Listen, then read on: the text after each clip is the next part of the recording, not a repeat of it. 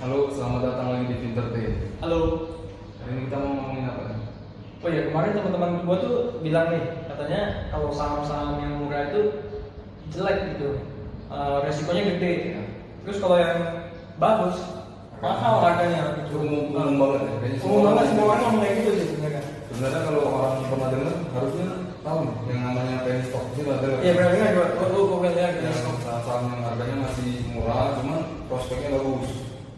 Penny stock bukannya harganya murah terus gorengan. Ya, lumayan. Iya. Katanya sih gitu.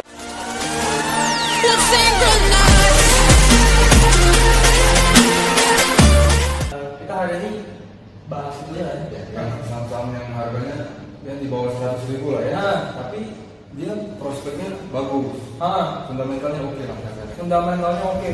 Ah. Kalau lu punya ini nggak eh, saham-saham yang harga di bawah 100 itu yang biasanya lu sering liatin sering Oh, kalau favorit gua maksudnya. Oh, kalau favorit gua ada eh, itu Sril sama eh, Bevin. Sril itu Sri Rezeki Usman. Dia itu biasanya bergerak di bidang tekstil. Ya. Nah, dan terus ekspornya kenceng banget ya kalau serius saya sering banget dulu sempat main di sini di serius cuma Ah. memang pergerakan harganya kurang cocok sama saya jadi nggak dimainin. Oh gitu. Oh iya, memang dia sideways sih emang. Ya, gitu juga ya. nggak gitu apa namanya? Misalnya kalau naik gitu kan, Ya. dia nggak naik naik terus Ya. gitu. Dia pasti ada turunnya segala macam. Tapi kalau buat gue sih harganya sih oke ya, soalnya Ya. di situ situ aja. Tapi eh, sisi yang bagus ya, Ya. di sisi yang bagus dia itu profitnya itu net profitnya itu bertumbuh terus. Ah, terus dia walaupun ada apa di tahun-tahun sebelumnya dia itu ada apa eh, rasio utang yang lumayan gede, tapi dari tahun ke tahun itu berkurang terus. Ya. Ah, terus nilai equity-nya juga eh, naik terus. Itu kita jago banget gitu. Kalau Nah, dari itu Nah, kalau dari PER itu gua lihat kecil sih. Kayak kayaknya sekarang 8 nggak sampai 10. Cuman sering kan kalau kita Ah. baca-baca kayak di ya beberapa website yang membahas tentang TNI, Ah. tentang market, pasar saham itu kan pasti ada beberapa saham yang bagus tapi si PR-nya rendah. Biasa si Sri pasti ada tuh kan? Biasanya skill ada biasanya. Cuma ya itunya apa? eh, apa eh, weaknessnya mungkin ya harganya di situ situ aja. Tapi mungkin kalau menurut gua nih ya, suatu saat dia nanti pasti terima. Suatu saat. dia dia lebih cocok buat yang jangka panjang. Iya, dia lebih cocok buat yang jangka panjang. Ya. Ah. Itu kan kalau tadi kan Ah. si Sri, Sri Rezeki Iya. Kalau dari yang tadi gimana? BP Finance. Kalau Bevin sih ya, Bevin itu kan dia multi finance ya. Dia service yang dia provide tuh kayak eh, pinjaman jangka pendek, pinjaman kredit card, pinjaman untuk motor itu juga masuk. motor juga masuk. Habis itu pinjaman untuk mesin Ya. atau apa namanya? banyak. iya, mobil-mobil berat atau berat dia juga menyediakan kayak gitu. Terus habis itu eh, dia juga ada eh, pinjaman untuk rumah juga. mortgage ya. Itu dia juga ada Kalau dari segi fundamental gimana? Nah, kalau dari segi keuangan ya, kalau dari segi keuangan sih, gua lihat bagus banget ya. Eh, dari tahun 2013 sampai tahun 2018 lah.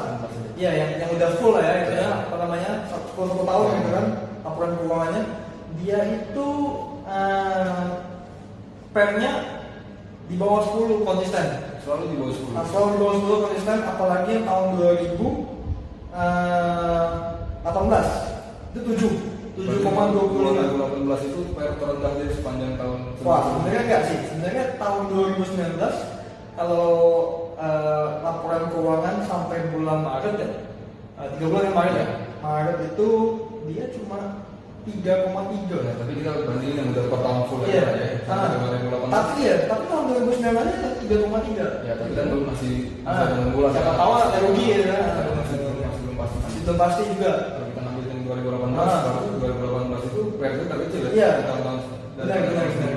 Nah, terus di tahun 2017 itu kan PBV-nya itu sempat nyentuh 2,21 kan, Ya. jadi dua kali harga harga bersih. Iya, benar. Nah, terus sekarang itu cuma 1,43. Artinya murah banget dong. Nah, Semakin semakin rendah PBV semakin bagus. semakin bagus gitu. Terus kalau misalnya dari sisi debt atau eh, apa namanya eh, rasio utang, eh, dia cuma kalau sekarang kan dia cuma ada 1,83 dari equity artinya eh, 65% dari total capital.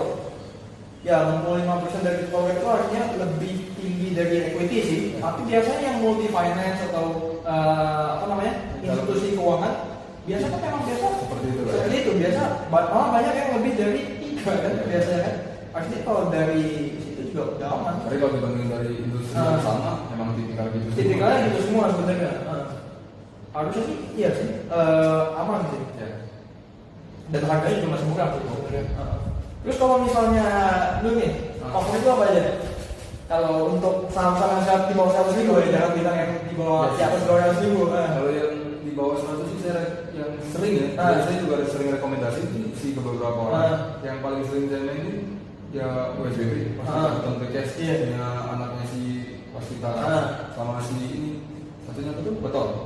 Oh, betul. Kayak- kayak Ah. Dua-duanya itu barengan dong ya? sama. Ah. Dan tipikal usaha mereka kan juga sama sebenarnya Iya. kelasnya.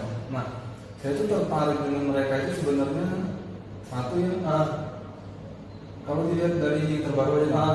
laba yang tahun 2017-18 jadi laba si USBB ya Ah. naik 10,31 persen Oh. yang sebelumnya 1 triliun pas jadi 1,1 triliun Hmm. lumayan lah ini ya Lumayan, lumayan. 10% lah Ah. kalau buat dia naiknya lebih tinggi persentase 44,26 persen 44 persen. ya Gede. 44,26 persen tapi kalau di total dia emang tahun 2017 itu laba bersihnya cuma 337,12 Hmm. setelah naik di tahun 2018 jadi 486,35 ya kalau dihitung itu sebenarnya Ah. lebih kecil totalnya daripada PSBB cuma Iya sih. PSBB udah sih. sampai satu triliun lebih Iya sih. Tapi kalau misalnya biasa tuh eh, BUMN ya, kalau ganti pemerintahan nih, nah ini apa namanya ngefek nih ke kinerja apa perusahaan BUMN kayak gitu? apalagi kalau kita tahu Ah, baru-baru pemerintahan yang akhir-akhir Ah. ini aja kan yang lebih fokus ke infrastruktur Iya, iya. Makanya yang kayak tipikal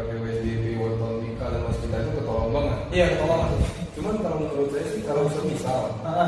Terjadi ganti pemerintah Ah. di masa yang akan datang ya Ah. tapi kalau ini masih tahun dong itu. Ya, Ya, tenang aja ya. kalau visinya masih Ah. sama Iya. ya atau misalnya memang masih mau membangun infrastruktur Hmm. saham-saham gini masih oke Masih oke. tapi kalau bisa Ah. saat nanti pemerintah yang baru bisa ngomong nih Ah, oh udah banyak lah infrastruktur nggak ada lagi fokus ke yang lain mungkin pendidikan Perkebunan mungkin, mungkin itu akan jadi pengaruh ke mereka Iya. Cuman kalau yang sampai sekarang sih oke sih si betul aja pendapatannya kalau dihitung dari tahun 2017 ke Hmm.